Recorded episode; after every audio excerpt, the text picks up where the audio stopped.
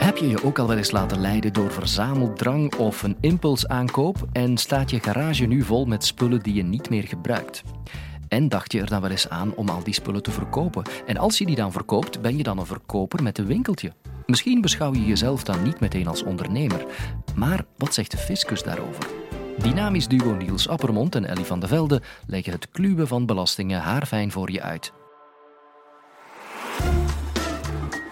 Dit is de Universiteit van Vlaanderen.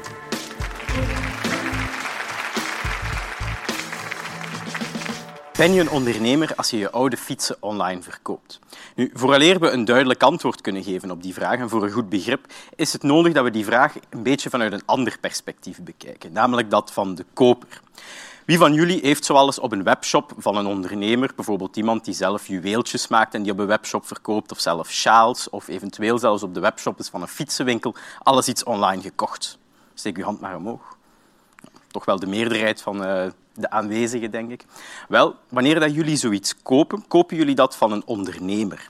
En in België kan je eigenlijk op twee manieren ondernemer zijn. Je kan dat doen via een vennootschap of je kan dat doen zonder vennootschap, als eenmanszaak noemen we dat. En voor dit college gaan we specifiek in op die situatie van de eenmanszaak. Nu, een eenmanszaak, dus iemand die werkt zonder vennootschap, noemen we in het recht gewoon een natuurlijke persoon. Wel, ons economisch recht voorziet dat je als natuurlijke persoon een ondernemer bent indien je voldoet aan twee voorwaarden.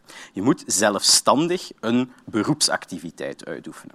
Nu, wat zelfstandig is, is vrij gemakkelijk te bepalen, aangezien dat dat gewoon betekent dat je niet optreedt voor een werkgever in het kader van een arbeidsovereenkomst. Dan zou het arbeidsrecht van toepassing zijn en niet het ondernemingsrecht. Daarentegen, wat een beroepsactiviteit is, is veel moeilijker te bepalen. Want dat is in de wet eigenlijk helemaal niet gedefinieerd. Nu kunnen we wel een drietal criteria te gebruiken om te achterhalen wanneer er nu net sprake is van een beroepsactiviteit. Het eerste criterium is dat het moet gaan om een duurzame activiteit. Het mag dus niet gaan om een eenmalige verkoop of een eenmalige verrichting of iets super occasioneel, maar er moet een zekere duurzaamheid, regelmaat, frequentie achter schuilen. Het tweede criterium is dat je het moet doen met een zogenaamd winstoogmerk. Je doet het om er een inkomen uit te halen, een levensonderhoud voor voorzien. Want een persoon of een verkoper eh, verkoopt niet uit liefdadigheid, maar natuurlijk om daar zelf ook een inkomen uit te halen. Derde criterium daarentegen, dat is dan, bestaat er eigenlijk in dat je het eigenlijk kan doen als hoofdactiviteit of als bijactiviteit. Dus het moet niet per se je enige hoofdactiviteit zijn om te verkopen, ook een bijberoep kan volstaan. Nu, wanneer je aan die voorwaarden voldoet, dan krijg je het etiket of de stempel van onderneming volgens ons recht. En dan worden daaraan ook een aantal gevolgen en verplichtingen aan gekoppeld. Een van die verplichtingen is bijvoorbeeld om je aan te melden bij een ondernemingsloket en in te schrijven bij de zogenaamde kruispuntbank van ondernemingen, waarna, waarna je een uniek ondernemingsnummer krijgt. En dat moet je dan bijvoorbeeld gebruiken op alle schriftelijke uitgaande communicatie, zoals bijvoorbeeld brieven, orders, facturen. Daarnaast word je door de wet ook verplicht om een boekhouding bij te houden. En kan je als ondernemer natuurlijk ook failliet gaan. Want in België kan alleen ondernemers of ondernemingen failliet gaan. Gewone personen die geen onderneming zijn, die kunnen niet failliet gaan. Daarvoor bestaat er, als ze in betalingsproblemen terecht zouden komen, de zogenaamde collectieve schuldenregeling. Voor ondernemers staat die route niet open. Zij kunnen alleen een faillissement aanvragen of hun schuldeisers kunnen dat doen. En juridisch zijn dat twee geheel verschillende procedures. Nu, ik ben prof economisch recht, dus ik kan jullie iets vertellen over de economisch-rechtelijke kant van de zaak. Maar als je ondernemer bent, komen daar natuurlijk ook heel wat fiscale bezonjes bij kijken. En daarover zal mijn collega professor Van de Velde, die fiscaal recht doseert, het even met jullie hebben. Ja, want een ondernemer betaalt uiteraard ook belastingen. Denken we ten eerste aan de personenbelasting. Wie als zelfstandige inkomsten verwerft, heeft beroepsinkomsten en geeft die aan in de personenbelasting. En zal daarop hoe meer beroepsinkomsten men verwerft, ook, hoe meer personenbelasting betalen. Ons tarief in de personenbelasting op die beroepsinkomsten is progressief. Dat gaat van 25 tot 50 procent. Dat is het eerste. Het tweede waar u uiteraard ook aan denkt, is de BTW. Een ondernemer is een BTW-plichtige. Die mag BTW, of moet zelfs BTW, aanrekenen aan zijn klanten. Die heeft een BTW-nummer. Wat zegt nu de wet wie BTW-plichtige is? Wel, duidelijk een ondernemer, want in de wet staat onder meer dat wie hoofdzakelijk, dus in hoofdberoep, geregeld en zelfstandig met winstoogmerk een economische activiteit uitoefent, zoals het leveren van goederen, btw-plichtig is.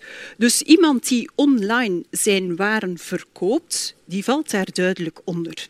Die is btw-plichtig en die moet onder andere een klantenlisting doen, btw-aangiftes, boekhouding, facturen uitreiken enzovoorts. Dat is dus de situatie voor onze zuivere ondernemer. Maar wat als u eraan denkt om eens spullen op een tweedehandssite te gaan verkopen? Wat als u iets online te koop zet?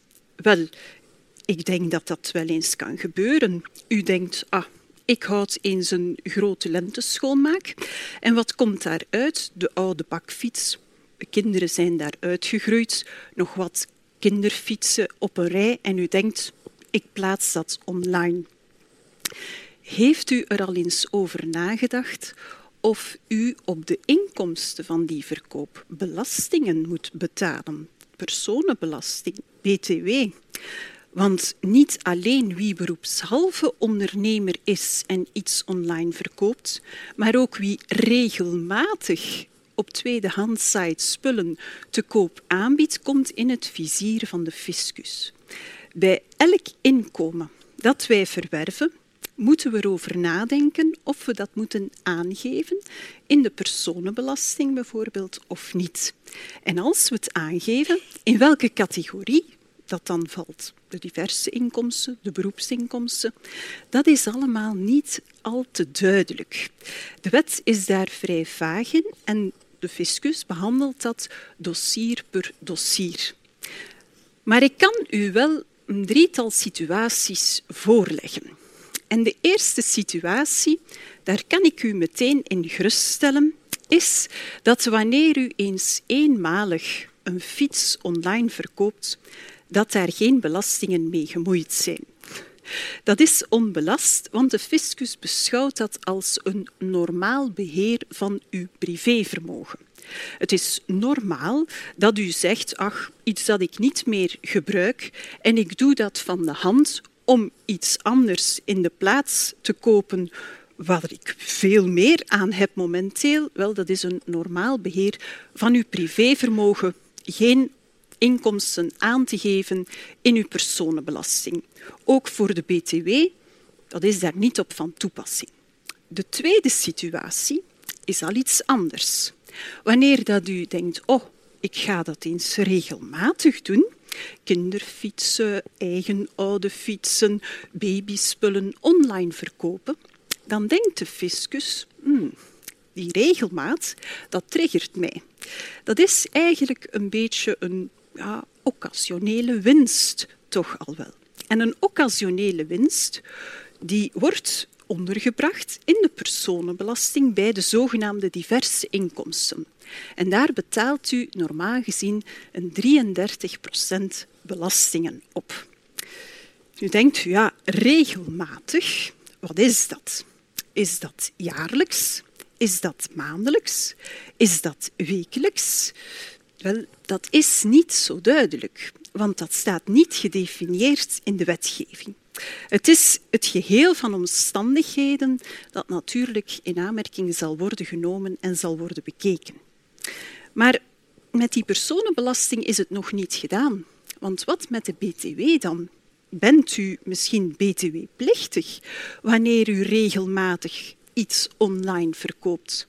Wel, de wet zegt dat niet alleen die zuivere ondernemer, maar ook iemand die in bijzaak, zelfstandig en geregeld, wel een economische activiteit onderneemt, zelfs zonder winstoogmerk, zoals het leveren van goederen btw-plichtig is.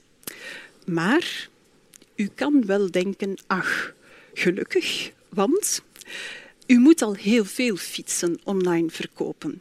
De jaaromzet mag tot 25.000 euro bedragen om nog onder een btw-vrijstelling te vallen. u bent dan vrijgesteld onder andere van het aanrekenen van BTW aan uw koper. Er is dan nog de derde situatie en dat is de meest prangende.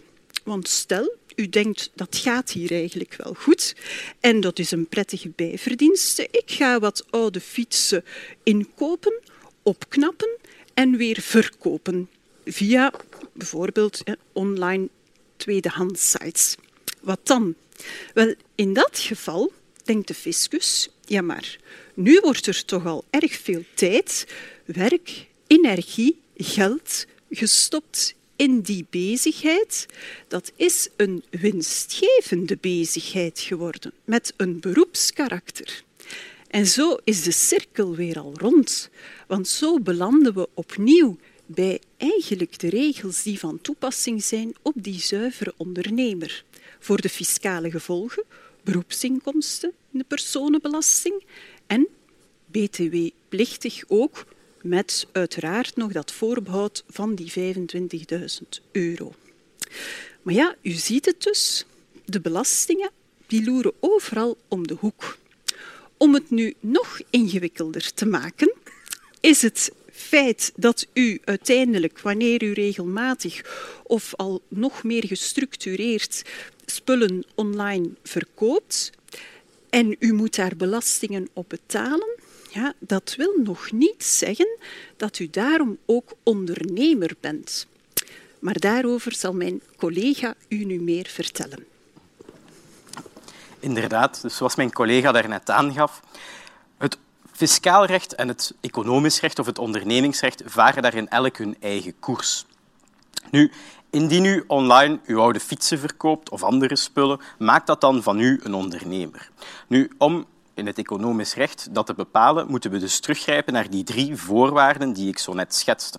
We kunnen ervan uitgaan dat u niet werkt via een vennootschap en dat u dus voldoet aan het criterium van een natuurlijke persoon te zijn. We kunnen er ook van uitgaan dat u uw zolder of uw kelder of wat dan ook niet opkuist uh, in opdracht van uw werkgever. Dus we kunnen er ook van uitgaan dat u dat doet voor eigen rekening en dat u dus aan het criterium van de zelfstandigheid ook zal voldoen. De derde voorwaarde is eigenlijk de meest complexe, de meest moeilijke opnieuw om hierin te vullen. De vraag of dat ook een beroepsactiviteit inhoudt. Nu, het eerste punt wat ik hier kan maken is dat het niet uitmaakt of u dat dus in hoofdberoep of in bijberoep doet. Het feit dat het dus een bijactiviteit, een nevenactiviteit is, verhindert op zich niet dat u wel degelijk een ondernemer kan zijn voor het economisch recht. Het moeilijke criterium hier zal echter het duurzaamheidscriterium zijn. De vraag is hier, is dat ook een duurzame activiteit die tweedehands verkopen? Nu, wat we hier niet moeten doen om na te gaan of het een duurzame activiteit is, is gewoon iedere individuele verrichting gaan tellen. Eh, of het nu één verkoop is, vijf of honderd. Strikt genomen maakt dat op zichzelf eigenlijk niet uit. Waar we daarentegen wel naar moeten kijken, is welke is de frequentie van de verrichtingen. Doet u dat door middel van een soort georganiseerd systeem? Organiseert u die verkopen? Werkt u dat zelf in de hand? En ten derde, dat winstoogmerk ook weer, probeert u daar een soort van inkomen mee na te streven. Het is natuurlijk niet zo dat als u geen inkomen hebt of geen winst maakt, dat u geen onderneming kan zijn. Ook als u verlies maakt, kan u een onderneming zijn. Dat is nu eenmaal het ondernemingsrisico. Wat echter van tel is, is dat het de bedoeling is om een winst te maken en om een inkomen te krijgen. Nu, het is duidelijk, net als in het fiscaal recht moeten we dat dus gaan beoordelen op, op een case-by-case basis, een geval per geval, omdat er niet één eenduidig antwoord bestaat uh, dat voor ieder geval waar zal zijn. En ook, net als in het fiscaal recht, kent het economisch recht een concept als het normaal beheer van het privévermogen. Maar de moeilijkheid zit erin dat die twee concepten niet noodzakelijk op exact dezelfde wijze worden ingevuld. Wat alleszins wel duidelijk is, is dat indien u gewoon uw privévermogen beheert, iets van de hand doet om daarmee met de opbrengsten iets nuttigers te kunnen kopen, dat dat van op zichzelf van u nog geen onderneming maakt. Maar het economisch recht kent wel een bepaalde drempel. Als u die handelingen herhaaldelijk begint te stellen, zo dingen te verkopen, gaat u op een bepaald ogenblik die drempel overschrijden en zal u ook voor het economisch recht, of door het economisch recht beter gezegd, als een ondernemer worden beschouwd met alle gevolgen van dien. Dat betekent dus dat u geen collectieve schuldenregeling meer zal kunnen aanvragen wanneer u in financiële problemen terechtkomt, maar dat u zelf uw faillissement moet aanvragen of dat uw schuldeisers dus noods ook gewoon privé-schuldeisers die met die verkoop helemaal niks te maken hebben, uw faillissement kunnen uitlokken. U vraagt zich nu misschien al met een klein hartje af: is dit nu echt realiteit of toch maar theorie? Wel, de overheid controleert wel degelijk. En zelfs in Verenigde Krachten de fiscale administratie samen met de economische inspectie bekijken dus effectief hoe die bewegingen online zitten. Meer nog, er is sinds een aantal jaren in België Belgian Internet uh, Service Center dat internetfraude opspoort en dus via datamining van alle informatie vergaart. Meer nog, die economische en die fiscale onderzoeksdiensten die hebben contacten met de tweedehandsites om informatie uit te wisselen. Bijvoorbeeld om te weten wie er achter nicknames schuilgaat en dergelijke meer. En als u nu denkt, misschien moet ik mijn spullen dan in het vervolg maar op een Nederlandse site aanbieden, wel, helaas, ook daar moet ik u melden dat er zelfs momenteel internationale samenwerking is voor gegevensuitwisseling. Dus bij wijze van conclusie, bent u nu een ondernemer indien u uw oude fietsen online verkoopt en moet u daar dan op belastingen betalen? Daarop kunnen wij alleen maar antwoorden zoals goede juristen en zeggen, het hangt ervan af.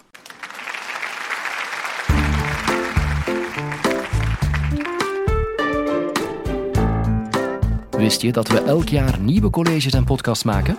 Blijf op de hoogte door je te abonneren op dit kanaal of door je in te schrijven voor onze nieuwsbrief via www.universiteitvanvlaanderen.be.